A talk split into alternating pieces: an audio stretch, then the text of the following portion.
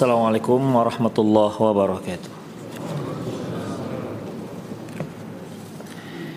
Innal hamdalillah nahmaduhu wa nasta'inuhu wa nastaghfiruh wa na'udzu billahi min shururi anfusina wa sayyiati a'malina may yahdihillahu fahuwal muhtad wa may yudlil falan tajida lahu waliyyan mursyida Asyhadu la ilaha illallah wahdahu la syarika lah وأشهد أن محمدا عبده ورسوله الذي لا نبي بعده.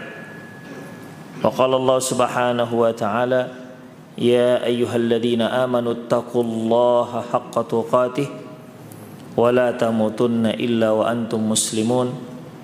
وقال عز من قال يا أيها الذين آمنوا اتقوا الله وقولوا قولا سديدا. يصلح لكم أعمالكم ويغفر لكم ذنوبكم.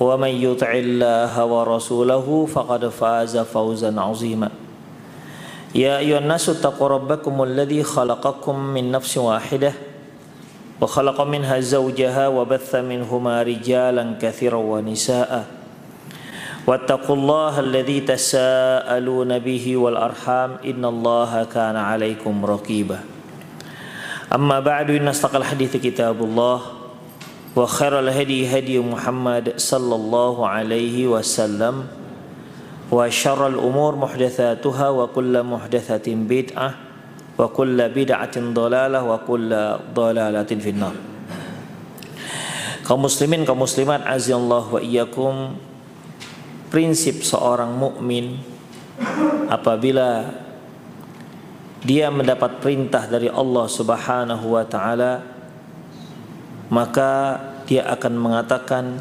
sami'na wa ata'na. Kami dengar dan kami taati. Dan itu tercantum dalam soal Baqarah ayat 285 namun tentunya tidak semua orang dengan lapang dada dapat melaksanakannya. Tidak semua orang mendapatkan taufik dari Allah Subhanahu wa taala untuk melaksanakannya ada yang terasa berat di dadanya. Ada yang merasa bagaikan sedang mengemban sebuah beban yang berat bagai seorang yang sedang berjalan di tempat yang sangat menanjak.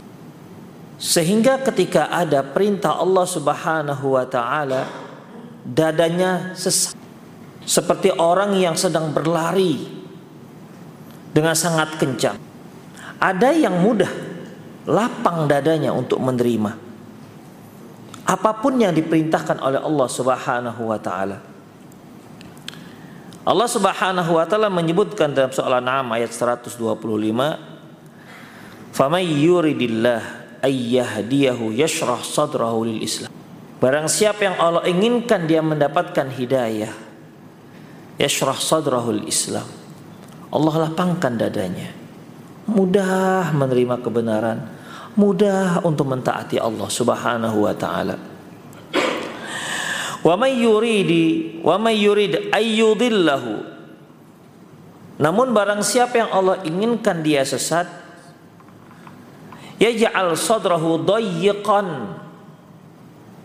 Allah jadikan dadanya dayyiq sesak. Harajan ka'annama yas'adu fis sama. Seolah dia sedang apa namanya mendaki ke langit. Yas'adu fis sama. Kadzalika yaj'alullahu rijsa 'alal ladzina la yu'minun. Demikianlah Allah menjadikan azab bagi orang-orang yang tidak beriman. Ma'asyiral muslimin rahimani Allah wa iyyakum. Dua hal ini ya dua hal ini yang merupakan dua jenis orang ketika dia ketika mereka mendapatkan perintah Allah Subhanahu wa taala. Yang satu dengan mudah untuk mendapatkannya, melaksanakannya dan menerimanya. Yang satu lagi sulit untuk menerimanya, untuk mentaatinya. Ikhwah azinallahu wa iyyakum. Tentu ini penyakit. Ini salah satu penyakit hati. yang kata Rasulullah sallallahu alaihi wasallam ala inna fil jasadil mudghah. Ketahuilah dalam di jasad kita itu ada mudghah. Idza saluhat saluhal jasadu kulluh apabila baik baiklah semua jasadnya. Wa idza fasadat fasadal jasadu kulluh. Kalau rusak rusaklah semuanya. Ala wahia qalbu dia adalah hati Ikhwa. Tentunya penyakit ini ada sebabnya. Apa sebenarnya sebab mengapa seorang itu sulit menerima kebenaran, sulit mentaati kebenaran, sulit untuk melaksanakan kebenaran, bahkan lebih mudah untuk durhaka ketimbang untuk taat. Apa penyebab-penyebabnya? Yang pertama ikhwah rahimani Allah wa iyyakum yaitu al-jahlu. Ini yang pertama. Kejahilan. Kejahilan ini merupakan sumber malapetaka ikhwah. Kejahilan sumber malapetaka. Orang Arab mengatakan al-insanu aduun lima jahilahu. Manusia itu mereka akan menjadi musuh atas sesuatu yang tidak dia ketahui. Oleh karena itu, terkadang ada orang-orang yang tega untuk menghadang kebenaran, bahkan untuk meruntuhkan kebenaran. Dikarenakan apa? Dikarenakan kejahilannya. Terkadang yang bid'ah dianggap sunnah, yang sunnah dianggap bid'ah, yang tauhid dianggap syirik, yang syirik dianggap tauhid. Yang hak dianggap batil, yang batil dianggap yang hak.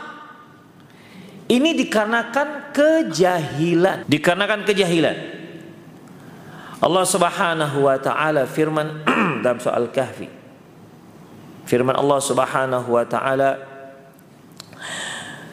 Qul hal unabbi'ukum bil akhsarina a'mala. Ya Muhammad, katakan kepada mereka, maukah mereka aku tunjukkan satu amalan yang paling merugi? Seharusnya seorang beramal itu bukan rugi. Seharusnya seorang beramal soleh pasti untung. Tapi ini kul hal unabbi'ukum bil akhsarina a'mala. Muhammad katakan kepada mereka, Maukah kalian aku tunjukkan orang yang paling rugi amalannya? Yaitu alladzina dhalla sa'yum fil hayati dunya. Yaitu mereka yang sesat ketika di dunia wa yahsabuna annahum yuhsinuna sun'a. Tapi ternyata ya mereka mengira mereka sedang berbuat baik. Qul hal unabbiukum bil aksarina amala alladzina dhalla sa'yuhum fil hayatid dunya wa yahsabuna annahum yuhsinuna sun'a. Mereka yang mengira, mereka yang mengira sedang berbuat baik padahal mereka itu sesat. Inilah yang paling rugi. Ikhwah, apabila seorang sedang melakukan sebuah dosa dan dia meyakini itu adalah dosa, ini diharapkan di suatu hari orang ini akan tobat dengan doa itu, dengan dengan dosa tersebut. Tobat dari dosa tersebut. Seorang yang mencuri, seorang yang mencuri, seorang pencuri tahu bahwasanya apa yang dia lakukan itu adalah sebuah kesalahan. Ketika dia sudah meyakini yang dia lakukan itu sebuah kesalahan, suatu hari nanti dia akan tobat. harapannya, besar harapannya bahwasanya orang ini akan taubat. Kenapa demikian? Karena dia yakin yang dia lakukan itu salah. Seorang pelacur ketika dia tidak laku lagi misalnya di suatu hari kelak, dia akan taubat. Dia tahu bahwasanya ini adalah suatu perbuatan yang sangat menjijikkan. Tapi yang paling berat adalah seorang yang melakukan sebuah kesalahan tetapi dia meyakini ini adalah kebenaran. Contohnya nih, sama-sama mencuri. Yang satu ini mencuri lantas setelah hasil curiannya dibagi-bagikannya ke fakir miskin. Boleh nggak Pak mencuri seperti ini? Tujuannya bagus. Ya. Tujuannya bagus. Dia mencuri, kemudian dia bagi-bagikan ke fakir miskin. Tujuannya untuk bantu fakir miskin.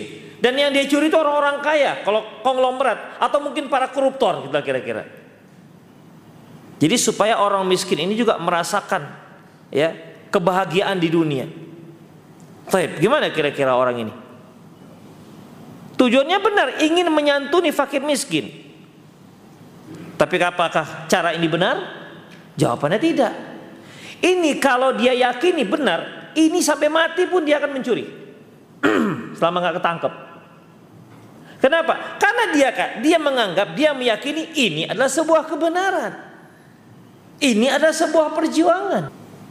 Ikhwah, bunuh diri itu betul nggak ya? Bunuh diri. Salah jelas ya kan? Saya kira nggak ada satupun agama yang mengatakan bolehnya bunuh diri. Tetapi berapa banyak orang yang bunuh diri, tapi niatnya, keyakinannya dia sedang jihad. Ada nggak? Ada ikhwah. Ada. Dia bunuh diri, tapi dia menganggap dia sedang jihad visabilillah. Demikian ikhwah. Bahkan yang terbunuh adalah orang-orang muslim. Lebih parah lagi bunuh diri yang katanya jihad itu di dalam masjid. yang seperti ini, ya, yang seperti ini keyakinan dia meyakini sesuatu yang buruk itu sebuah kebaikan, ini yang paling rugi. Ini yang paling rugi. Contohnya, siapa pembunuh Ali bin Abi Thalib? Ah? Ibnu Muljam. Abdurrahman bin Muljam. Ini Abdurrahman bin Muljam. Ketika dia membunuh Ali bin Abi Thalib, ya, dia sambil baca Al-Quran. Bayangkan, bukan baca mantra dia bukan. Dia sambil baca Al-Quran. Wa minan nasi masyri nafsahu butigha'a. Di antara manusia ada yang menjual dirinya untuk mendapatkan ridho Allah Subhanahu wa taala. Gak tanggung. Padahal yang dia bunuh Ali bin Abi Thalib sepupu Rasulullah, menantu Rasulullah, khalifahnya Rasulullah yang yang keempat, kemudian orang yang dijamin masuk surga, nggak tanggung tanggung, ya. Orang yang sudah dijamin masuk surga tidak tanggung tanggung, dibunuh atas nama Al-Quran. Bayangkan ya. Ini yang paling berbahaya. Dia menganggap membunuh Ali bin Abi Thalib itu untuk mendapatkan ridho dari Allah Subhanahu wa taala. Ini karena apa, ikhwah? Karena kejahilan. Masya Allah. La haula wa la quwata illa billah. Dan ini banyak dalam bentuk dan versi yang berbeda-beda. Suatu kebatilan dianggap sebuah kebaikan. Dianggap sebuah hak yang perlu diperjuangkan. Makanya Allah katakan, "Qul al unabbiukum bil akhsarina a'mala alladzina dhalla sa'yum fil hayati dunya wa yahsabuna annahum yusinuna sun'a." Kayak Muhammad katakan kepada mereka, "Maukah engkau aku beritakan satu amalan yang paling merugi, yaitu mereka yang telah sesat semasa di dunia namun dia kira dia sedang berada di atas kebenaran." Itu bahaya kejahilan. Sehingga seorang Gara-gara jahilnya dia sulit untuk menerima. Gara-gara jahilnya dia sulit untuk taat kepada Allah Subhanahu wa taala. Ikhwah rahimani Allah wa iyyakum. Kita lihat peristiwa Dajjal. Dalam sebuah hadis yang sahih di mana tentara Dajjal itu menangkap seorang pemuda. Tentara Dajjal menangkap seorang pemuda. Lantas pemuda ini diajak oleh Dajjal untuk beriman kepada dia bahwasannya dia adalah Tuhan yang boleh yang yang disembah. Si laki-laki ini nggak mau mentaati Dajjal. dia hanya tahu taat kepada Allah Subhanahu wa taala. Akhirnya Dajjal ini memotong laki-laki ini jadi dua, set dipotong jadi dua. Lantas setelah dipotong jadi dua, Dajjal berjalan di tengah potongan ini. Kemudian setelah itu itu untuk menunjukkan bahwasanya ini betul-betul kan udah dipotong begitu. bukan hanya mata sihiran enggak. Ya, ya yang biasa kan kalau orang sedang pertunjukan kan begitu. Ya. Kemudian setelah itu ikhwah rahimanallahu wa iyyakum Dajjal satukan kembali set dua tubuh yang telah dia potong. Lantas kata si Dajjal, "Qum, berdiri." Berdiri lagi nih orang. Ini kan seperti Tuhan yang dia sudah mematikan dan dia menghidupkan, gitulah lebih kurang. Dajjal ingin memberikan show dia. Ingin show bahwasanya dia itu Tuhan yang bisa mematikan dan bisa juga menghidupkan. Itu tujuan dia. Lantas setelah si pemuda ini dihidupkan kembali, Dajjal nanya lagi, "Gimana? Masih belum laku? Masih belum mengimani aku itu adalah Tuhanmu?" Kata si Dajjal kepada pemuda ini. Tapi apa kata pemuda ini ikhwah? Rahimanallah wa iyyakum ushidu annaka dajjal alladhi haddathana Rasulullah SAW haditha fakuntu qad ashaddu basiran min fika minnil an kata kata laki-laki ini sungguh aku bersaksi ente adalah dajjal yang pernah disebutkan Nabi Shallallahu Alaihi Wasallam dalam hadisnya. Perhatikan, Ka, kamu adalah Dajjal seperti yang pernah disebutkan Nabi Shallallahu Alaihi Wasallam di hadisnya dan sekarang aku semakin yakin kamu itu Dajjal. Coba perhatikan seperti yang disebutkan Nabi Shallallahu Alaihi Wasallam dalam hadisnya. Ini kan ilmu namanya, ya ilmu. Kalau dia tidak tidak ketahui hadis ini. Bisa saja dia terseret sehingga dia meyakini bahwasanya Dajjal itu adalah Tuhannya. Tapi dia punya ilmu ini tentang ini. Demikian ikhwah. Rahimani Allah wa iyyakum. Itulah pentingnya ilmu. Sampai Rasulullah sallallahu alaihi wasallam mengatakan talabul ilm fariidatun ala kulli muslim. Menuntut ilmu itu wajib. Menuntut ilmu itu wajib. Faridatu ala kulli muslim. Wajib atas setiap setiap. Berarti fardunya fardu ain bukan kifayah. Ya. Berarti fardunya fardu ain bukan kifayah setiap kita wajib untuk mengetahui agama akidah yang kita peluk jangan sampai syubhat-syubhat itu menerpa hati kita karena asyubhatu qawiyah khattafah Wal qulubu dha'ifah. Syubhat itu keras menerpa, sementara hati kita itu seringnya lemah. Ilmu inilah yang bisa yang bisa menjadi penangkalnya. Yang bisa membuat kita menjadi taat. Ya. Kenapa orang-orang sulit taat? Lebih mudah untuk melakukan maksiat. Kalau untuk maksiat, masya Allah, segera dia datang, bergegas. Umumnya kan begitu kan. Kalau diundang untuk ngaji, masya Allah berat. Tapi coba diundang ngumpul-ngumpul sambil makan-makan, sambil nyanyi-nyanyi, masya Allah. Banyak tuh peminatnya. Ya. Ayo kita ngumpul-ngumpul teman-teman SMA, SMU. Ngapain aja acaranya? Acara pengajian. Udah itu aja. Iya. Udah. Yang daftar 10, 9. Kita undang ustadz untuk ngaji, nggak banyak tertarik. Atau kita undang artis, wah masya Allah. Walaupun artisnya artis desa, tapi kalau artis banyak yang datang itu. Kenapa ikhwah Allah wa iyyakum? Karena memang taat itu tidak sembah, tidak mudah bagi semua orang. Ada ya ada yang seperti disebutkan Allah tadi, ka'annama yas'adu sama dia itu seperti sedang melangkah, melangkah mendaki ke langit. Rumit, sesak dadanya. Ada yang sudah datang untuk ngaji. Kemudian tak dibiarkan setan juga. Dia elus-elus tengkuknya. Tidur, tidur. Tidurlah dia dari mulai innal hamdalillah. Sampai nanti udah subhanakallahumma rabb. Udah selesai. Cepat. Itulah perjuangan kita untuk taat. Dan itu memang sudah tekadnya setan tidak akan membiarkan kita untuk taat. Ikhwah azallahu wa. Itu yang pertama. Ya. Yang pertama, bahwasanya dikarenakan minimnya ilmu kita sehingga kita sulit untuk taat. Kita lupa bahwasanya setiap yang Allah Subhanahu wa taala haramkan itu pasti bermudarat. Tidak mungkin Allah ya, nggak mungkin Allah itu mengharamkan sesuatu yang bermanfaat bagi manusia itu nggak mungkin mustahil. Dan tidak mungkin juga Allah mengharamkan sesuatu, menghalalkan sesuatu yang bermudarat bagi manusia. Tidak mungkin Allah Subhanahu wa taala mengharamkan sesuatu yang bermanfaat bagi manusia dan juga tidak mungkin Allah Subhanahu wa taala membolehkan mewajibkan sesuatu yang bermudarat untuk manusia. Enggak mungkin. Makanya ketika yang diharamkan, coba perhatikan.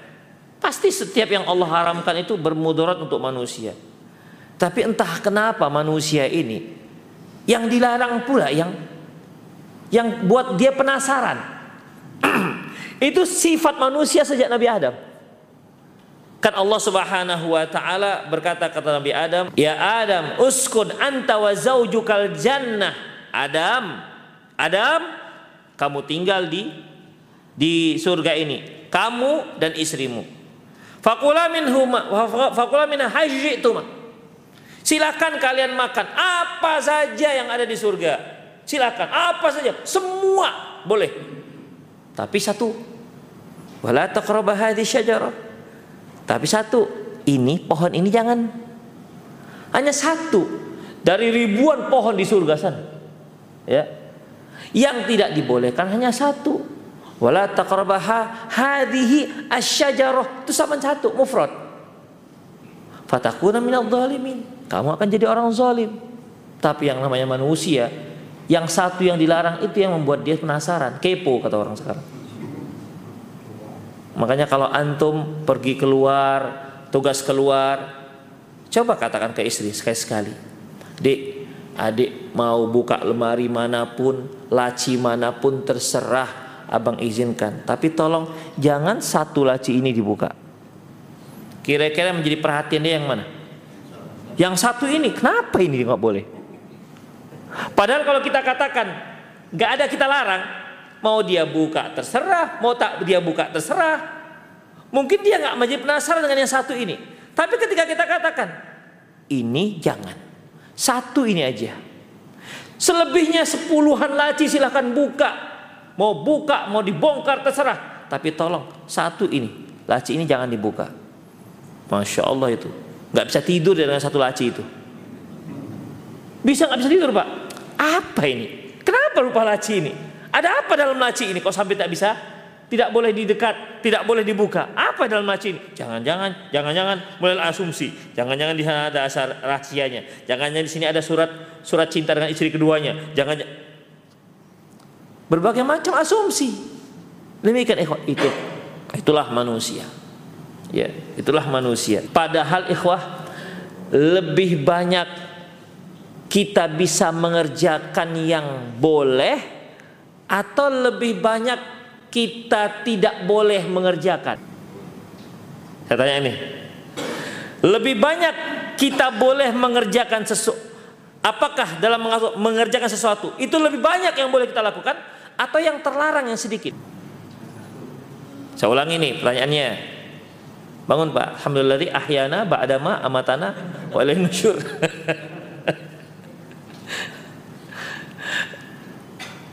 Kalau terkait dengan perbuatan, lebih bo lebih banyak Allah membolehkan kita melakukan suatu perbuatan atau yang terlarang itu lebih sedikit.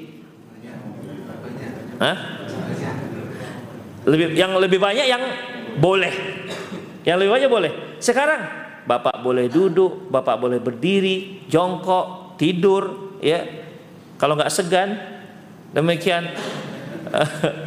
Kemudian boleh banyak, banyak yang boleh itu banyak. Lebih banyak yang halal apa lebih banyak yang haram?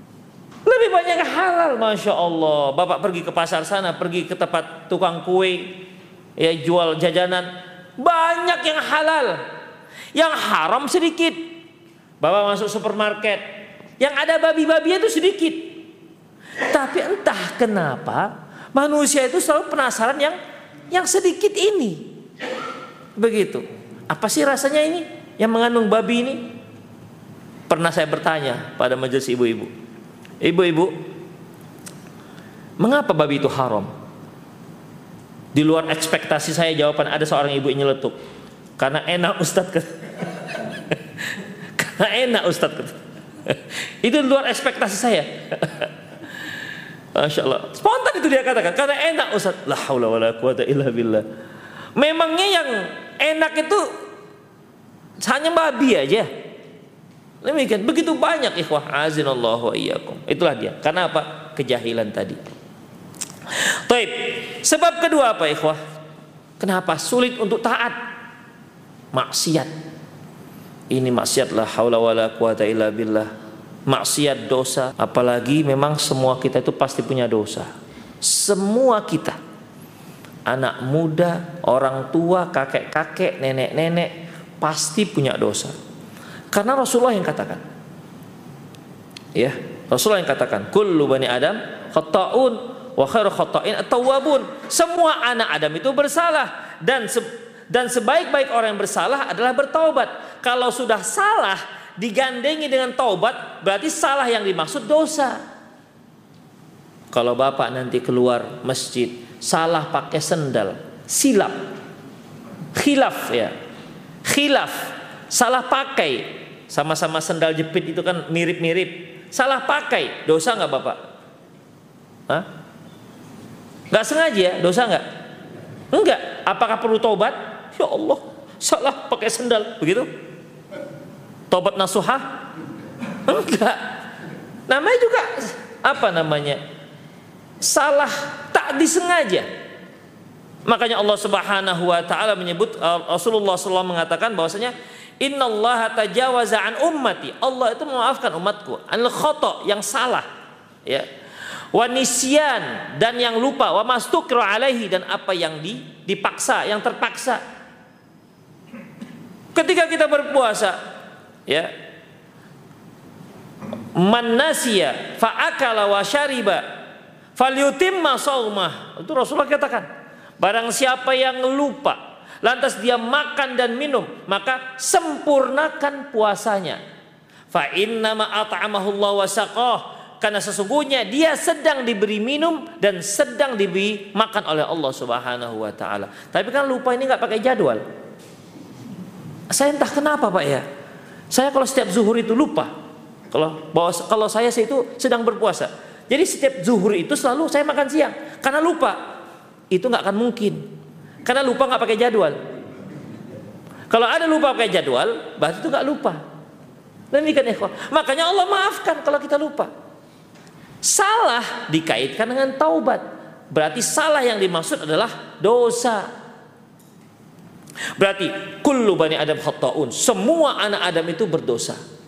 Dan sebaik-baik orang yang berdosa adalah yang yang bertobat kepada Allah Subhanahu wa taala. Demikian ikhwan Allah wa iyyakum. Tapi kalau dosa ini ditumpuk, tumpuk, tumpuk, tumpuk. Ini yang kata Allah Subhanahu wa taala, "Kallabal rana ala qulubihim ma kanu yaksibun." Ketahuilah bahwasanya hitam hatinya, kotor hatinya akibat apa yang mereka lakukan. Semakin kotor hati kita, Pak, semakin sulit kita untuk taat. Di antara yang paling banyak mengotori hati kita adalah di antara perkara yang sering mengotori hati kita adalah hasil yang haram. Bukankah Allah Subhanahu wa taala mengatakan Ya ayuhar rasul wahai para rasul kulu minat thayyibat makanlah yang baik-baik wa'malu soliha dan beramallah soleh. Artinya mereka yang makan yang halal itu yang mudah untuk beramal soleh. Kalau makannya haram menyebabkan dia sulit untuk beramal soleh.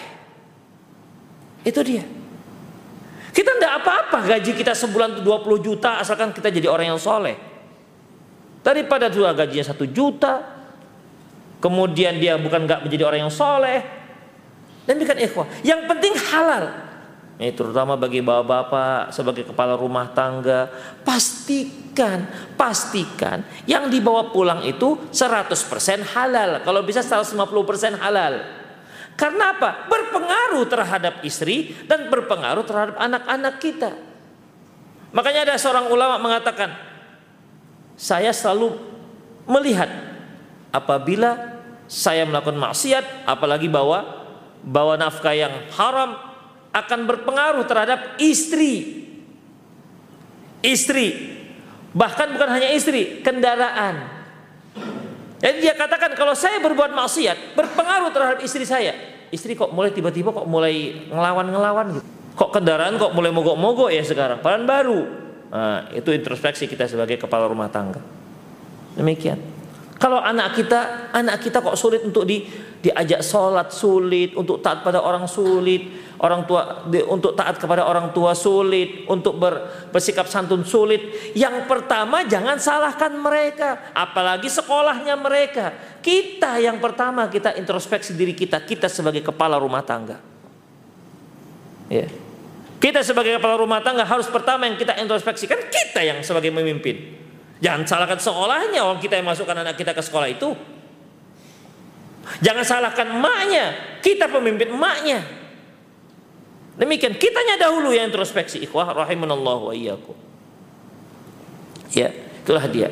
Maksiat memang ini merupakan satu hal yang membuat kita sulit untuk taat kepada Allah Subhanahu wa taala. An Abi Hurairah radhiyallahu anhu qala Rasulullah sallam innal 'abda idza adnaba dzanban kanat nuqtatan fi qalbih bahwasanya seorang hamba itu kalau dia melakukan sebuah dosa maka akan muncul satu bintik hitam di hatinya. Fa in taba minha thaqula qalbu. Kalau dia tobat dari dosa itu, maka bintik itu pun kembali bersih, hilang. Fa in zada zadat. Kalau tambah dosanya, bertambahlah bintik-bintiknya tersebut. Jadi semakin bertambah, tak bertobat, tambah lagi, tambah lagi, tambah lagi, tambah lagi.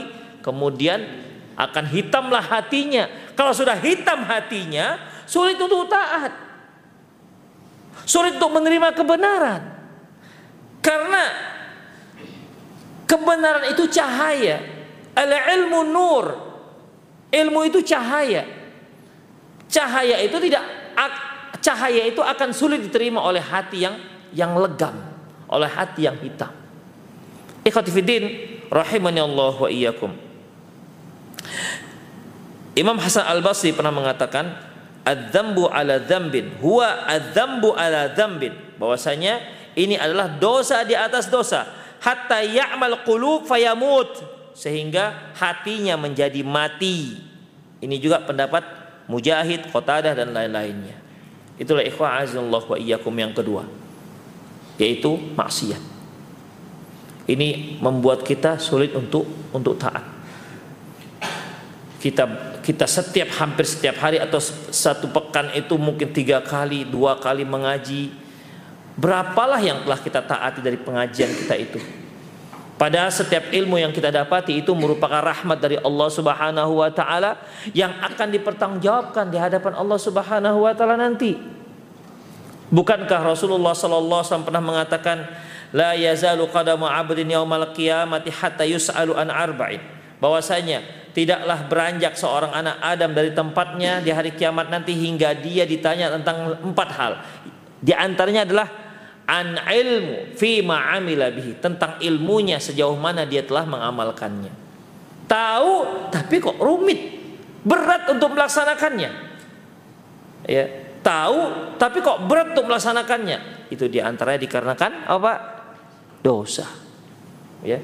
Bahkan Rasulullah pernah mengatakan bahwasanya tidaklah dua orang mayatawaddani tidaklah dua orang yang saling mencintai summa iftaroko lantas mereka itu terpisah illa li ajli dzambin kecuali dikarenakan satu dosa yang dilakukan oleh salah seorang mereka tadinya dia saling mencintai karena Allah mayatawaddani fillahi summa iftaroko tidaklah dua orang mencintai karena Allah Subhanahu wa taala kemudian dia terpisah kecuali dikarenakan dosa yang dilakukan oleh salah seorang mereka.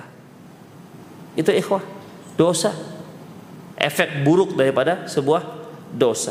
Itulah sebuah maksiat. Kemudian yang ketiga, apa yang membuat kita itu rumit, sulit untuk taat? Yaitu dikarenakan sombong. Sombong. Rasulullah sallallahu alaihi wasallam pernah bersabda, "La yadkhul jannah man kana fi qalbihi mithqala dzartin minal kibr." Tak masuk surga seorang dalam hatinya ada kesombongan walaupun hanya sebesar biji sawi. Walaupun hanya sebesar semut yang paling kecil, gak masuk surga orang ini, kata Rasulullah Sallallahu Alaihi Wasallam. Kemudian seorang bertanya, ya Rasulullah, ar-rajulu, gimana dengan seorang laki-laki yuhibbu ayyakuna na'luhu hasanan wa hasanan? Bagaimana kalau seorang itu suka kalau sepatunya bagus dan bajunya bagus. Apakah itu termasuk sombong? Kata laki-laki ini. Apa kata Rasulullah sallallahu alaihi wasallam? Al kibru, al kibru yaitu yang sombong adalah ghamtun nas wa. Yang menganggap remeh orang lain dan dan menolak kebenaran. Makanya ikhwah Allah wa iyyakum salah satu yang menyebabkan Sombong ada satu sombong ada sifat iblis. Inilah sifat yang menyebabkan dia untuk tidak taat kepada Allah. Kan Allah mengatakan, "Wa idh qulna lil malaikati isjudu li adama fasajadu illa iblis." Ketika kami berkata kepada malaikat, "Sujudlah kalian kepada Adam." Fasajadu, semua malaikat sujud, taat. Malaikat taat kepada Allah karena dia tak ada dosa. Dia tidak ada maksiat dan memang tidak ada unsur pembangkangan dalam dalam diri seorang malaikat. Beda dengan manusia, beda dengan iblis. Dia ada unsur pembangkangannya, dia ada hawa nafsunya. Baik. Fasajadu maka semua malaikat sujud illa iblis kecuali si iblis. Kenapa? Abah. Dia enggan, wastakbar dan sombong Aba wastakbar. Dia enggan dan dia sombong. Kenapa dia sombong? Karena dia merasa tidak layak sujud kepada Adam. Dia merasa dia lebih hebat, lebih suci, lebih senior ketimbang si si Adam. Makanya ketika Allah Subhanahu wa taala bertanya kepada si iblis dan Allah lebih tahu tentunya, "Kenapa engkau tak mau sujud?" Ma mana aka an la tasjuda idza amartuk. Eh iblis, kenapa kamu nggak mau sujud? Kan aku yang suruh kata Allah. Dengan mudahnya iblis mengatakan, "Ana khairum minhu."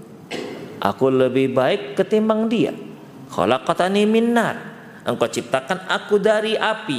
Wa khalaqtahu min tin dan engkau ciptakan dia di tanah. Menganggap le diri lebih hebat.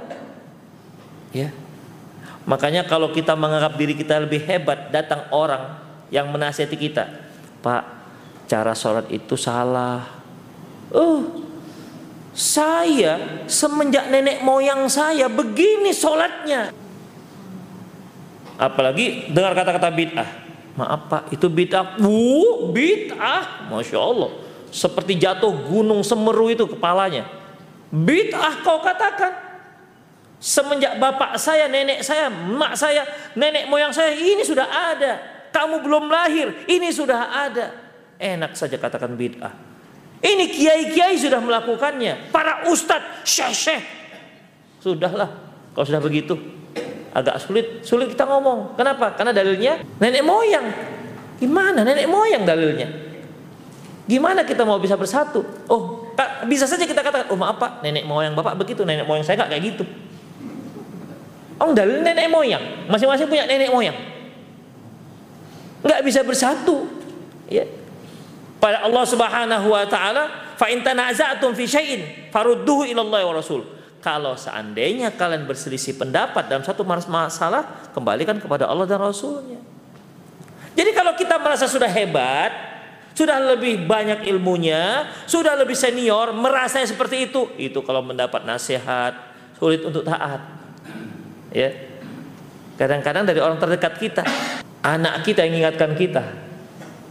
Buya, nggak seperti ini caranya sholat. Kau baru lahir tahu apa? Masih ingusan. Baru juga masuk pondok kemarin. Itu pun bapak yang masukkan. Kalau enggak nggak masuk pondok kau. Demikian. Kenapa kita merasa orang tua lebih hebat? Jadi ikhwah terkadang kita tanpa sadar kita tuh orang tua orang tua yang macam iblis. Tanpa sadar. Semua kita kan nggak suka dengan iblis, gembong kejahatan. Tapi seringnya tanpa sadar atau tidak sadar kita tuh macam iblis juga. Ada sifat iblis yang masih kita pertahankan pada diri kita. Apa itu? Sulit menerima kebenaran. Dikarenakan apa? Dikarenakan datang dari orang yang kita anggap bawahan kita. Dari ustadz, yang ustadznya kita oke okay lah. Tapi kalau yang mengingatkan istri, yang mengingatkan anak-anak kita, masya Allah. Makanya saya selalu katakan kepada adik-adik, kalau sudah dapat mengetahui satu kebenaran, hati-hati mendakwahkannya kepada orang tua. Karena bagaimanapun orang tua, walaupun kamu sudah menjadi ustadz sejuta umat dan umahat, ya kamu tetap diingatnya sebagai anaknya yang dia cebokin waktu kecil demikian jangan ketika kita tahu sesuatu lantas pak maaf pak bapak duduk sebentar dia pun mulai ini ada nasihat untuk bapak innal hamdalillah nahmaduhu wa nasta'inuhu wa nastaghfiruh macam ustadz dia di depan bapaknya ya ini sulit ya seperti ini saya selalu katakan banyakkan bakti banyakkan khidmat Semenjak ngaji semakin rajin dia nyapu. Sebelum mengaji tak pernah nyapu. Ketika sudah ngaji nyapu. Gitu caranya. Orang tua akan mengamati. Dia kan tahu kita sejak lahir. Ih, anak ini setahu saya semenjak lahir nggak pernah nyapu. Tapi kali ini dia dia nampaknya dia ngaji ke mana sudah mau nyapu. Seumur umur anak ini nggak pernah cuci piring. Tapi kalau ini kok nyuci piring. Demikian. Dia lihat perubahan akhlak kita. Itu caranya kalau orang tua. Demikian ikhwah. Jadi kiber itu merupakan sombong merupakan satu hal yang membuat kita sulit untuk taat kepada Allah Subhanahu wa taala. Karena apa? Karena dia datang dari orang yang bawahan kita. Kita anggap bawahan kita, bukan atasan kita. Demikian ikhwah rahimanallahu wa iyyakum. Bahkan Mujahid rahimahullah mengatakan la yata'allamani al-mustahi wal mutakabbir tidak akan bisa dapat ilmu seorang yang pemalu dan seorang yang mutakabbir sombong makanya kalau dilihat flyer flyer Ustadz Fulan temanya tauhid ah, tauhid tauhid aja sudah dari dulu asik tauhid aja itu itu aja itu tauhid uluhiyah rububiyah asma sifat ada yang lain yang keempat Kan tidak ada. Itu itu aja. Udah. Akhirnya ngaji. Kenapa? Udah tahu. Kalau orang Medan bilang, udah tahu awak itu. Demikian. Sudah tamat kajian itu. Sudah khatam dia. Sudah khatam kajian itu. Demikian. Kenapa? Merasa dia sudah tahu. Itu satu ikhwah. Ya. Yang kedua, malu. Malu. Kenapa Pak nggak ngaji? Malu tanyalah ah, segan malu malu mau nanya gitu kan apalagi kalau apa namanya mau belajar membaca Al-Qur'an misalnya panitia mengumumkan bapak-bapak yang yang sudah 40 tahun ke atas yang 50 tahun ke atas yang belum bisa baca Quran silahkan kumpul di hari Ahad jam 10 kita belajar Al-Qur'an itu kalau dia tidak menghilangkan semua egonya dia datang itu kalau enggak, ih, malulah. Ketahuan jadinya. Jenggot sudah segini. Ternyata enggak bisa baca Quran. Ketahuanlah kita jadinya. Bisa seperti itu. Karena apa? Malu. Itu dia, malu. Makanya enggak akan mendapat ilmu dua orang. Pertama mutakabir, sombong, yang kedua orang pemalu. Kemudian ikhwah rahimanallahu iyyakum. Selanjutnya apa lagi? yaitu orang yang mengikuti hawa nafsu. Ya. Dia tahu ini benar. Tapi mana ya? Nanti kalau saya ikuti kebenaran ini, nggak laku saya di tengah masyarakat. Nggak dipanggil-panggil lagi nanti. Kenapa? Ustadz itu sudah jadi wahabi. Demikian. Bisa diusir dari kampung nanti. Ikhwa Allah wa iyyakum hawa nafsu ya hawa nafsu Allah Subhanahu wa taala firman ya Wasbir nafsaka ma'al ladzina yad'una rabbahum bil ghadati wal 'ashyi yuriduna wajhah wa la ta'du 'ainaka 'anhum turidun zinatal hayatid dunya. Wa la tuti' man aghfalna qalbahu an dzikrina wat ah wattaba' hawa. Wattaba' hawa. Jangan kamu mentaati mereka. Wattaba' hawa dan yang mengikuti hawa nafsunya. Ikhwah semua kita punya hawa nafsu. Semua kita punya hawa nafsu. Tapi ada yang mampu mengendalikan nafsunya, hawa nafsunya, ada yang tidak. Ketika seorang tidak mampu mengha, tidak mampu untuk mengendalikan hawa nafsunya, maka dia akan membuat hal itu akan membuat dia menjadi sulit untuk taat. Ya, bangun subuh kan nggak semua. Masya Allah yang bangun-bangun subuh ini datang yang datang ke masjid ini kan kalau dipresentasikan dari semua masyarakat berapa persen? Ikhwah nggak banyak, apalagi weekend seperti ini. Banyak yang bangun jam 10. Balas dendam dia selama seminggu. Jam 10 hari weekend saya bangun jam 10. Demikian ikhwah. Ya. Kenapa? Hawa nafsu. Biasanya bangunnya jam 10 kemudian ketika dia sudah mulai hijrah, taubat, bangun jam berapa? Jam 4 pas adzan subuh.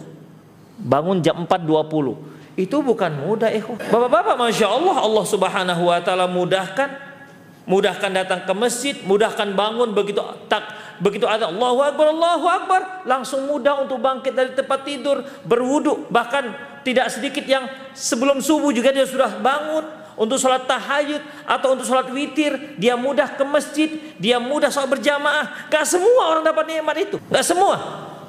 Kemudian kita yang sudah seperti itu, ada orang nasihati kita, dia sholat subuh aja susah. Pak, nggak begitu caranya Pak dalam berdakwah. Wah, kita mikir kau sholat subuh aja susah, begitu kan?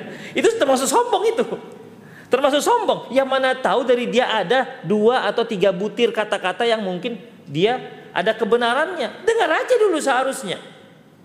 Demikian ikhwah azinallahu wa iyyakum. Ya.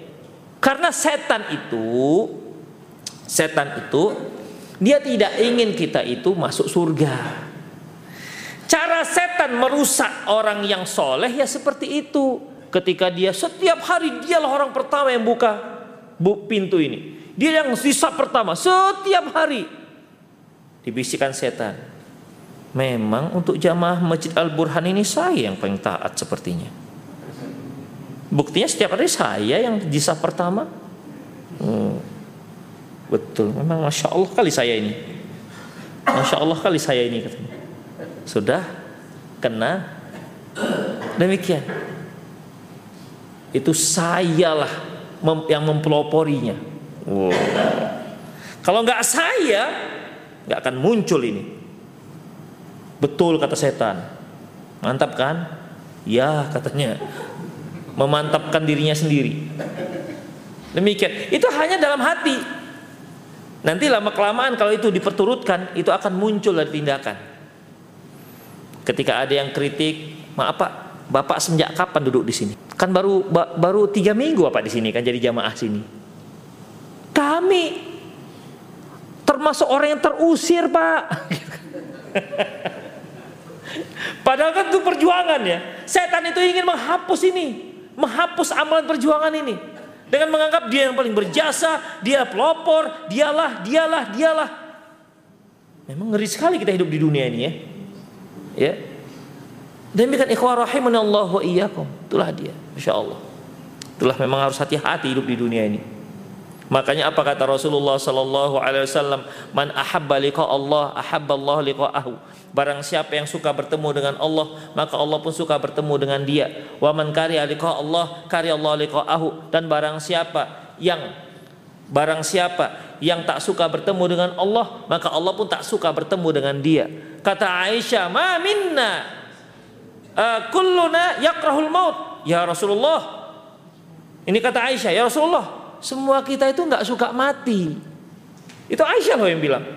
Ya, Aisyah yang bilang, Bapak suka mati Pak? Hah? Mau mati? Hah? Iya mau apa enggak sekarang? Belum. Hah? Iya sekarang mau Pak? Iya. Kenapa? Kenapa Kenapa kita nggak mau mati? Padahal kita bakal mati juga. Kenapa? Apa alasan kita? Tuh, semuanya begitu. Aisyah juga begitu, radhiyallahu anha. Kenapa dia nggak mau mati? Dia merasa belum cukup. Makanya Aisyah mengatakan loh, kalau mau bertemu dengan Allah, suka bertemu dengan Allah, mati dulu dong.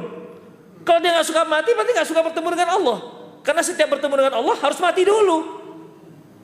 Apa kata Rasulullah? Enggak, enggak seperti itu maha pemahamannya. Kata Rasulullah, apabila seorang itu akan meninggal dunia, datang malaikat maut memberitahu dia bahwasanya dia akan mendapatkan keampunan keridhaan Allah Subhanahu wa taala.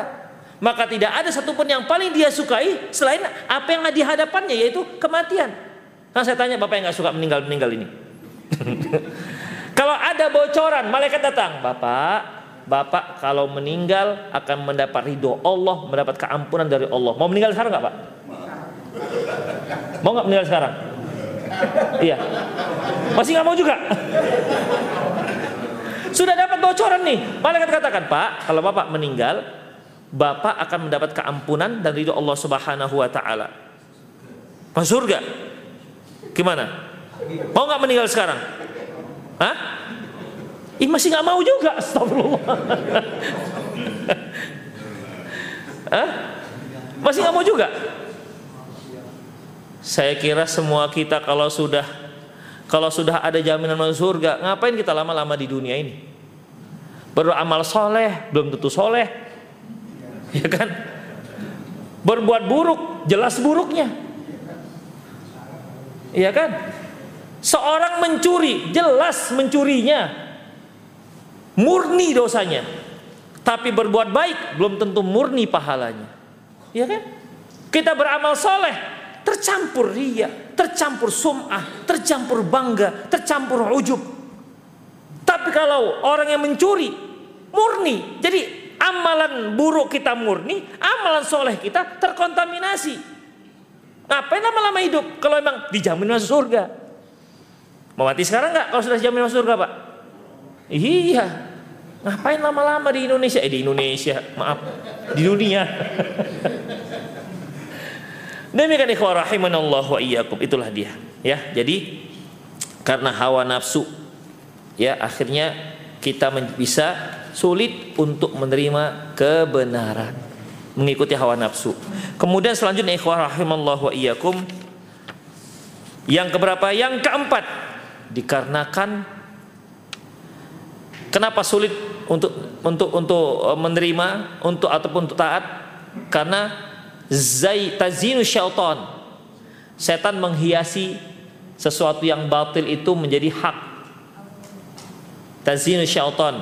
Allah Subhanahu wa taala firman dalam surah Al-Hijr ayat 39 Qala rabbi bima aghwaytani? Ya Allah karena engkau telah menjadikan aku sesat la uzayyinanna lahum fil ardi wa la ajma'in. Aku akan hiasi Aku akan hiasi mereka di muka bumi ini dan akan aku sesatkan semua mereka. Jadi sesuatu yang buruk akan dihiasi oleh syaitan menjadi baik. Itulah kerjaan setan. Ya. Sesuatu yang baik dihiasinya sehingga menjadi buruk. Sesuatu yang buruk dihiasinya sehingga menjadi yang yang baik. Makanya dalam Islam salah satu cara syariat kita untuk menetapkan yang buruk itu buruk, nggak boleh memberi nama sesuatu yang buruk itu dengan nama yang baik. Misalnya dukun. Pak, kalau kita sudah mendengar dukun, apa asumsi kita? Ke suatu yang sihir, jahat, gitu kan? Yang wa, yang minyak wanginya bau menyan, ya kan? Minyak gosoknya minyak gosok Dewi Tunjong, Demikian seram begitu kan, dikitari oleh jin, kan itu dukun itu. Iya kan? Buruk dia. Makanya jangan kasih nama yang lain. Apa namanya? Paranormal. Jangan. Dukun bilang. Bapak itu dukun. Seorang orang kalau dikatakan paranormal itu suatu uh, disiplin ilmu yang punya data-data yang konkret. Mana ada dukun data yang konkret?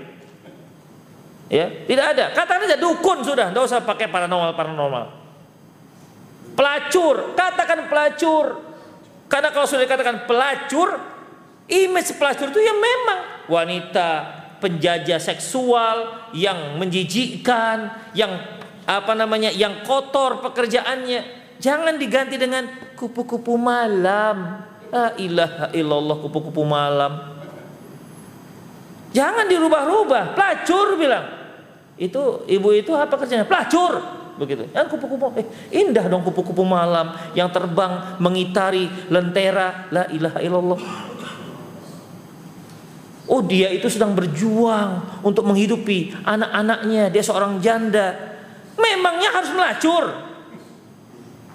Kan ada cara yang lain. Banyak cara yang lain yang mudah. Yang bisa dijadikan untuk sebagai cara untuk mempertahankan kehidupan. Kenapa harus pelacur? Demikian pelacur bilang selesai. Jangan ganti-ganti nama yang lain. Ya, kembang-kembang kertas. Apa kembang-kembang kertas? Pelacur aja udah bilang. Demikian ikhwah. Ya, jangan ganti-ganti nama yang lain. Demikian ya. Supaya apa? Supaya yang buruk itu tetap buruk. Demikian. Yang buruk tetap buruk, yang batil tetap batil. Demikian ikhwah rahimani Allah wa iyyakum. Yang terakhir yaitu mengapa kita sulit menerima kebenaran? Mengapa kita sulit untuk mentaati Allah? Gara-gara pertemanan. Ini teman memang sangat berpengaruh terhadap ketaatan kita. Terkadang kita sudah terbiasa di masjid, tapi karena tiba-tiba muncul ketemu dengan teman lama, ngobrol, adzan berkumandang kok kita sedang asyik gitu kan menceritakan perjalanan hidup kita yang dalam hati sudah ada nih berbisik udah adzan tuh sudah adzan tuh.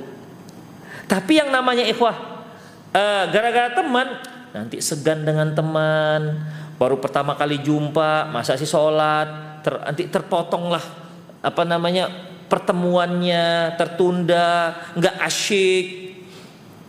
Akhirnya itu dia. Makanya Allah Subhanahu wa taala firman dalam surah Az-Zukhruf ayat 67, al-akhilla ba'dhum li ba'dhum yaum al-akhilla yauma idzin ba'dhum li ba'din adu. Bahwasanya orang-orang akhilla akhilla ini adalah orang-orang terdekat. Teman-teman dekat kita nanti di hari kiamat akan menjadi musuh illal muttaqin kecuali orang-orang yang bertakwa. Karena pertemanan orang yang bertakwa itu selalu menuju ketaatan Allah Subhanahu wa taala. Selain itu selalu melenceng dari ketaatan dari Allah Subhanahu wa taala. Kenapa mereka menjadi musuh? Nanti saling menyalahi. Ya Allah, dia ini, dia ini. Ketika adzan, dia yang ngajak aku main bola. Dia yang ngajak aku nonton bola. Karena dia ini ya Allah, azab dia ini, begitu. Yang dituduh enak aja. Saya kan hanya mengajak, nggak pernah memaksa. Makanya nanti di hari kiamat, ikhwah, setelah jelas mana yang surga, mana yang neraka, Allah pertemukan manusia-manusia durhaka, orang-orang penghuni neraka ini dengan iblis. Allah sebutkan nama Al-Quran. Dialog iblis. Apa kata Allah Subhanahu wa taala? Wa qala syaitanu lamma qudiyal amru innallaha wa'adakum ba'dal haqqi wa wa'adtukum fa. Si syaitan berkata, sesungguhnya Allah Subhanahu wa taala telah memberi kalian janji yang benar dan aku juga telah memberi janji fa akhlaftukum. Tapi janjiku itu hanya janji palsu. Wa ma kana liya alaikum min sultanin illa an da'autukum fastajabtum li. Aku itu tak punya kuasa nggak pernah memaksa nggak ada illa anda utukum fastajabtum li. Aku hanya membujuk, aku hanya mengajak dan kamu taati aku kan. Apa pernah Bapak kalau mau keluar rumah mau sholat subuh dihadang setan? Lewat, kubacok lewat. Ada? Bapak balik, pulang, pulang, pulang ke rumah, jangan ke masjid. Ada pernah Pak? Setan itu jelma dia. Nggak ada kan? Nggak ada dia bawa golok. Ayo, kamu gak usah sholat. Kalau aku golok.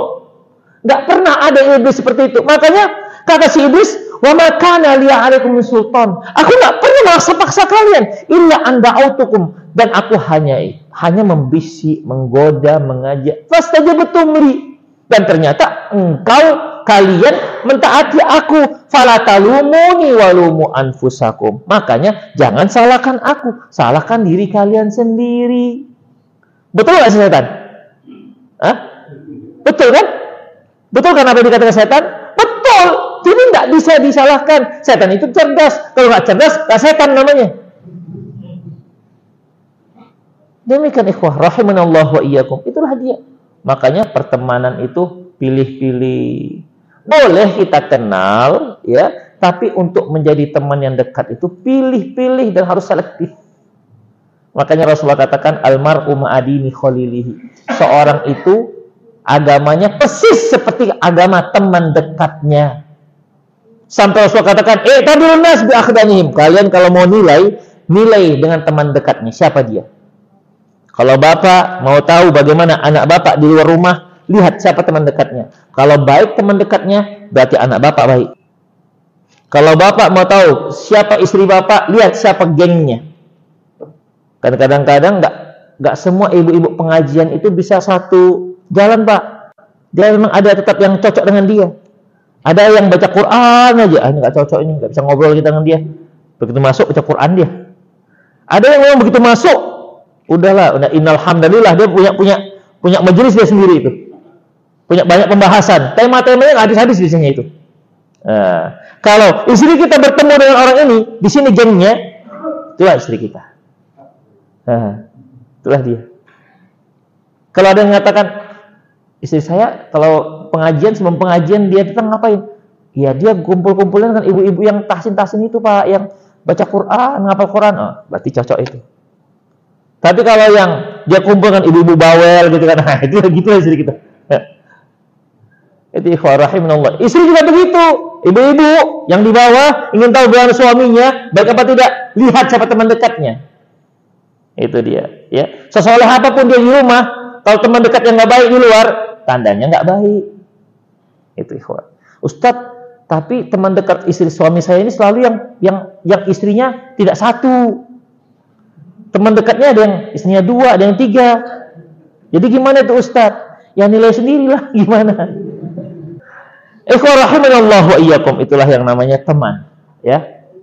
Terkadang kita mudah untuk mentaati Allah, tapi kadang-kadang gara-gara teman akhirnya berubah menjadi menjadi sulit. Makanya hati-hati dengan mencari teman. Demikian ikhwah rahimanallah wa iyyakum. Itulah lima hal yang perlu untuk kita ketahui. Semoga Allah Subhanahu wa taala memudahkan kita, memberi kita taufik untuk tetap mentaati Allah Subhanahu wa taala. Qulu qouli hadza wa astaghfirullah li wa lakum wa muslimin innahu wal ghafur rahim. Silakan. Bapak sekalian. Ya, ya silakan, Pak. Berteman itu kalau tidak sama artinya gimana? Ya.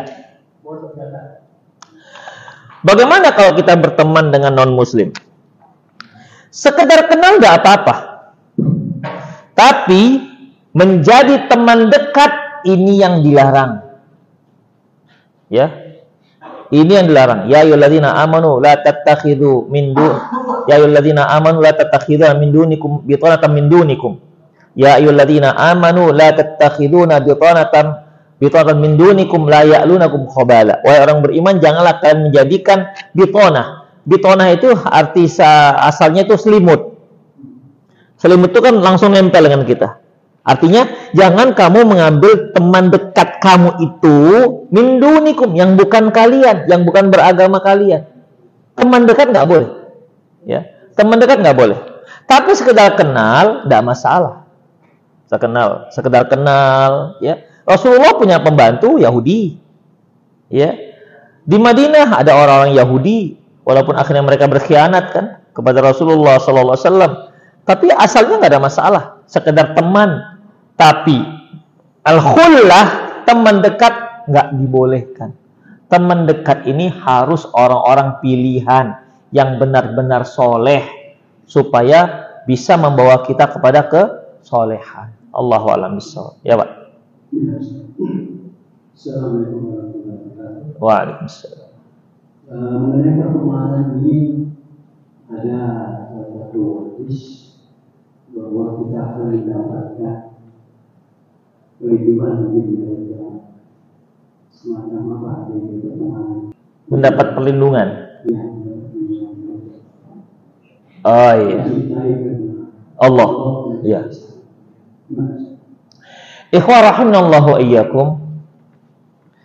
Pertemanannya orang muttaqin yang Rasulullah Shallallahu alaihi wasallam menyatakan bahwasanya ada enam orang di mana pada waktu itu mereka mendapat naungan. La yudhilluhumullahu illa dhillih. Yauman la dhilla illa dhilluh. Di hari yang tidak ada naungan selain naungan Allah Subhanahu wa taala yaitu pertemanan orang yang bertakwa. Ini pertemanan yang bagaimana? Pertemanan orang yang bertakwa yaitu mereka yang watawasobil hak watawasobis sabr. Yang saling nasihat menasihati dalam kebenaran. Dan saling menasihati dalam kesabar, kebenaran dan kesabaran.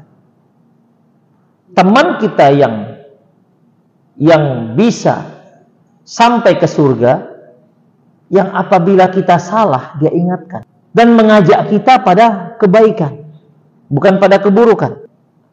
Kita beramal soleh. Teman kita beramal soleh baik kita bertemannya tapi ketika kita salah dia diam-diam saja ini bukan teman ya ini bukan teman bahkan Allah Subhanahu wa taala mengatakan berfirman Lu'inal ladina kafaru min bani Israel ala lisani Daud. Bahwasanya Allah melaknat orang-orang kafir dari kalangan Bani Israel melalui lisannya Nabi Daud. Kenapa? Kanu la yatanahawna am munkarin fa'alu. Mereka tidak saling melarang atas kemungkaran yang mereka lakukan. Mereka beramal soleh, tapi ketika ada kemungkaran mereka diam-diam saja akhirnya mendapat laknat dari dari Allah melalui lisannya Nabi Daud alaihissalam. Makanya teman yang baik itu itulah yang mengingatkan kita di saat kita sedang salah dan mengajak kita kepada mentaati Allah Subhanahu wa taala. Wa. Ada yang wa tawasaw sabr, juga ditambah dengan wa tawasaw sabr, saling menasihati dalam kesabaran. Kita datang sholat tarawih, imamnya panjang sekali. Kita pun mungkin agak ngomel lah pas pulang Panjang kali lah bacaan imam ini. Sudahlah suaranya entah ke mana. Kan ada juga kadang-kadang imam itu perasaannya sudah seperti sudes. Perasaannya saja. Imam merasa nggak sampai sudes. Dia orang Medan bilang sur sendiri, gitu, sur sendiri. Ya, dia asik sendiri di depan.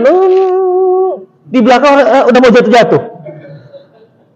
Dia merasa sudah pas tuh, udah pas bacanya. Orang belakang sudah padang gerutu. Pulanglah dia. Mana imamnya nih? Baca panjang-panjang. Sementara begini-begini. Ya dialah yang sabar. Biasa itu. Begitu. Apa gara-gara imamnya, apa memang imamnya salah baca? Kan enggak, hanya alunan saja yang beda. Demikian. Itu alunnya alun alunan apa namanya? Mekah. Dia alunannya alunan Jawa Timur. Beda-beda sedikit, begitu kan. Dia pakai langgam Jawa gitu. Demikian. Jadi bagaimana? disabarkan. Toh bacanya betul, hanya alunannya saja yang salah. Itu caranya. Hanya alunan yang berbeda, alunannya saja, bukan tajwidnya. Betul. Demikian. Disabarkan, sabar. Karena yang seorang yang sabar itu termasuk sabar terhadap taat kepada Allah Subhanahu wa taala. Taat kepada Allah itu harus sabar. Seperti Bapak duduk di sini hampir satu jam lebih sudah duduk. Itu kan perlu sabar. Kalau nggak kan Bapak pulang. Ya, pulang. Aduh, Udah begitu innalhamdulillah perut kerak kerukuk kerak kerukuk berarti udah lapar ini. Begitu kan? Demikian. Ada yang mulai men, mem, mem, apa, menahan ngantuk dengan berbagai macam cobaan-cobaan. Sabar. Demikian. Itulah bertahan di atas sabar. Di atas kebenaran. Sabar agar tidak berbuat maksiat. Demikian ikhwah dan sabar terhadap takdir Allah Subhanahu wa taala. Jadi teman yang sedunia dan sesurga nanti itu yaitu mereka yang watawasau bil haq watawasau bis sabr. Allahu alam bisawab. Ada lagi? Ya. Bagaimana sesuatu dapat dikatakan hilang? Nah, apa bahasa kategori hilang itu seperti kan apa banyak orang berbuat salah dikit itu biasa it, it, iya itu biasanya Laki-laki yang mau nikah lagi itu khilaf dia. khilaf abang di. Bagaimana nikah lagi khilaf itu gimana ceritanya kalau bisa khilaf? Tiba-tiba nikah lagi gitu aja. Ya, ini nggak khilaf. Ikhwah yang dikatakan khilaf ini yaitu dia melakukan tanpa sadar atau dia melakukan karena lupa itu khilaf. Ya. Kalau dia lakukan dengan sadar dan bukan lupa, itu bukan khilaf, sengaja itu namanya. Nah, seperti kalau dia poligami, itu nggak mungkin khilaf, nggak mungkin lupa. Abang lupa sudah nikah atau belum abang? Pada saat itu, kan nggak bisa. Demikian. Jadi yang khilaf di sini yang dimaksud yang dimaafkan oleh Allah Subhanahu wa taala yaitu dia lupa ya an an-nisyan. An-nisyan lupa. Yang kedua al-muta'ammid. Yang muta'ammid itu sengaja. Yang yang dikatakan khilaf yang ghairu muta'ammid yang tak sengaja. Seperti tadi salah bawa sendal. Dia dari rumah bawa sendal jepit, pulang-pulang bawa sendal kulit. Itu memang lupa, memang tak sengaja. Mungkin agak-agak rabun gitu matanya gitu kan atau remang-remang. Tapi kan kalau ya Allah alam lah begitu. Nggak ada sengaja. Tapi kalau orang yang tidak sengaja atau karena lupa atau silap itu kan, dia kan akan pulangkan. Aduh saya khilaf Ustadz, saya nggak sengaja. Tapi sandalnya tetap saja dibawa di rumah, nggak dipulang-pulangkan ke masjid. Itu bukan silap namanya. Memang pencuri, memang pencuri sendal. Itu ikhwah. Jadi dia yang lupa atau tak sengaja. Itu yang dikatakan khilaf yang dimaafkan oleh Allah Subhanahu wa taala. Tapi banyak orang yang menggunakan kata khilaf ini kenapa? Karena sudah tergoda. Itu dia. Nggak mampu menahan diri khilaf Abang D. Kenapa? Bukan bukan dia lupa atau bukan tak sengaja, tapi dikarenakan nggak mampu menahan diri. Ya semua orang yang berbuat maksiat karena nggak mampu menahan diri. Demikian. Itu bukan khilaf yang mendapatkan keampunan yang tidak berdosa itu khilaf yang yang tercatat sebagai sesuatu yang disengaja ya itu khilafannya di itu apa saja namanya? Uh, apa? Uh, melembutkan sebuah ungkapan. Itu dari kalimat tergoda. Abang kenapa nikah lagi bang? Abang khilaf di. Artinya apa itu? Nggak sengaja? Tergoda itu maksudnya. Abang tergoda di. Gitu. Karena karena karena janda itu perhatian kali dengan abang di nggak seperti adik saya begitu ya itu kan khilaf ya pak masalah janda juga pak oh, iya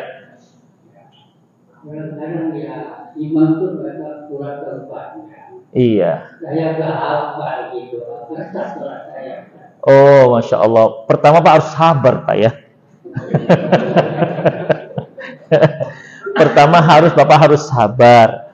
Kedua, ya kedua, Bapak ikut saja dan insya Allah tak apa-apa. Karena karena kalau kita sebagai makmum kita nggak harus baca.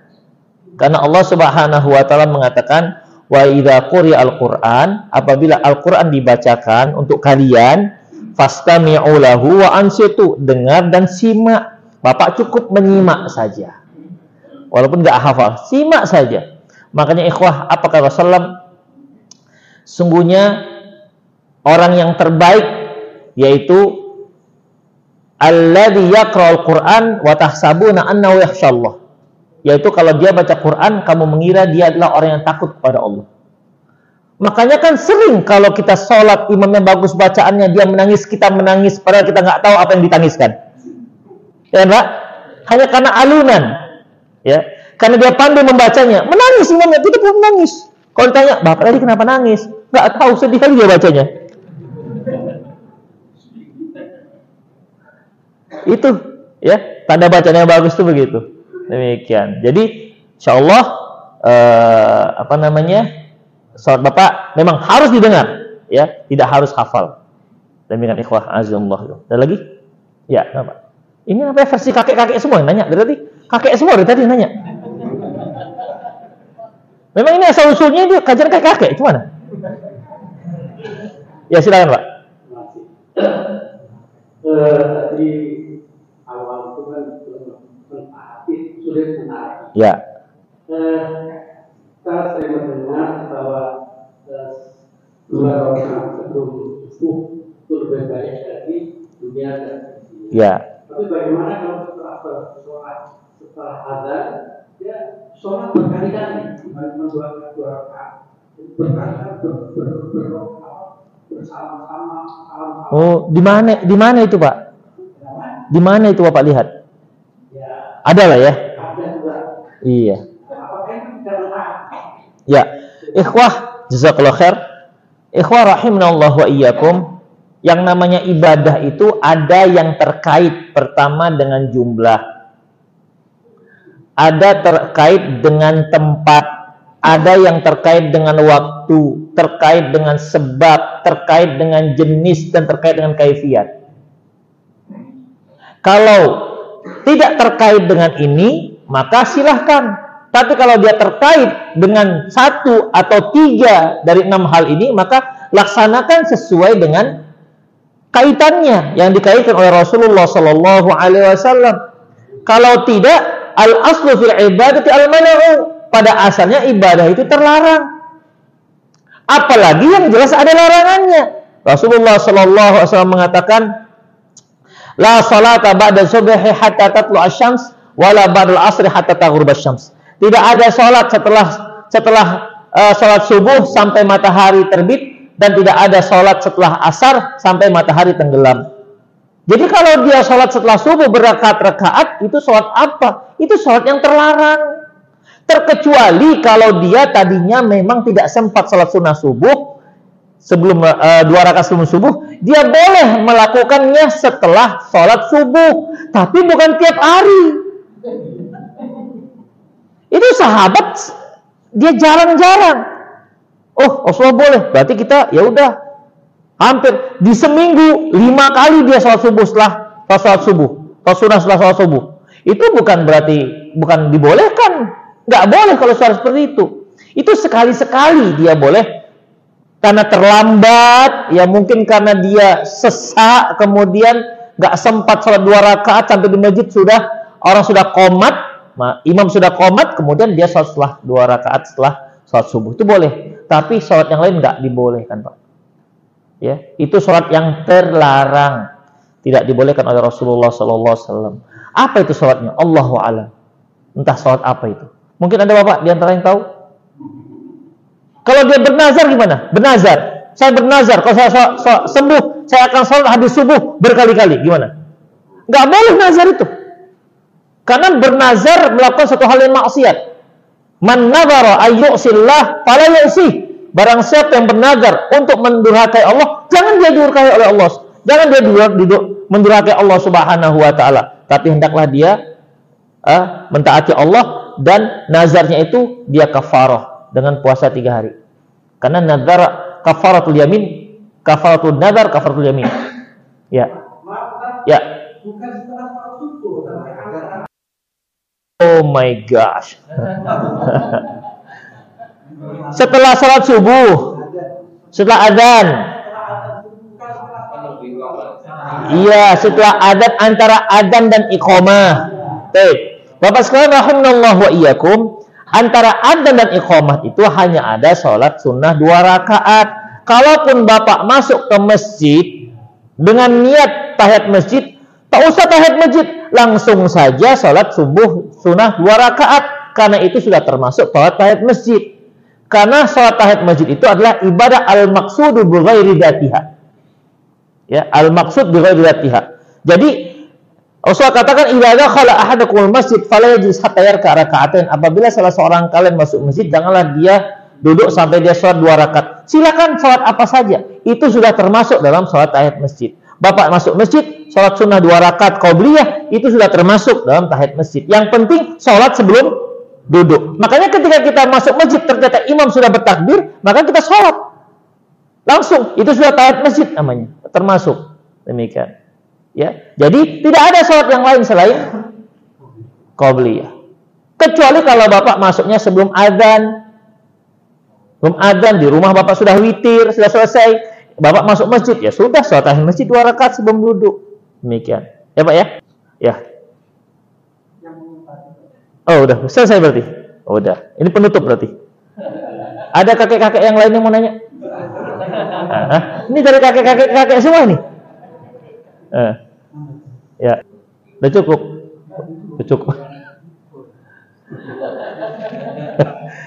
Demikianlah para jamaah rahimanallah wa iyyakum. Itulah beberapa hal yang mungkin untuk kita jadikan sebagai bahan introspeksi kita ya agar kita bisa mudah taat kepada Allah Subhanahu wa taala. Semoga Allah Subhanahu wa taala menjadikan kita orang-orang ataupun uh, umat Muhammad yang senantiasa taat kepada Allah Subhanahu wa taala dan tetap mengistiqomahkan kita di atas sunnah Rasulullah sallallahu alaihi wasallam. Ya muqallibal qulub tsabbit qulubana ala ta'atik ala dinik. Wa ya musarrifal qulub sarrif qulubana ala ala ta'atik. Demikian aku lu qauli hadza wa astaghfirullah li wa lakum wa lisal muslimin innahu wal ghafur rahim. Subhanakallahumma bihamdik asyhadu an la ilaha illa anta astaghfiruka wa atubu ilaik. Wa akhir da'wana alhamdulillahi rabbil alamin. Assalamualaikum warahmatullahi wabarakatuh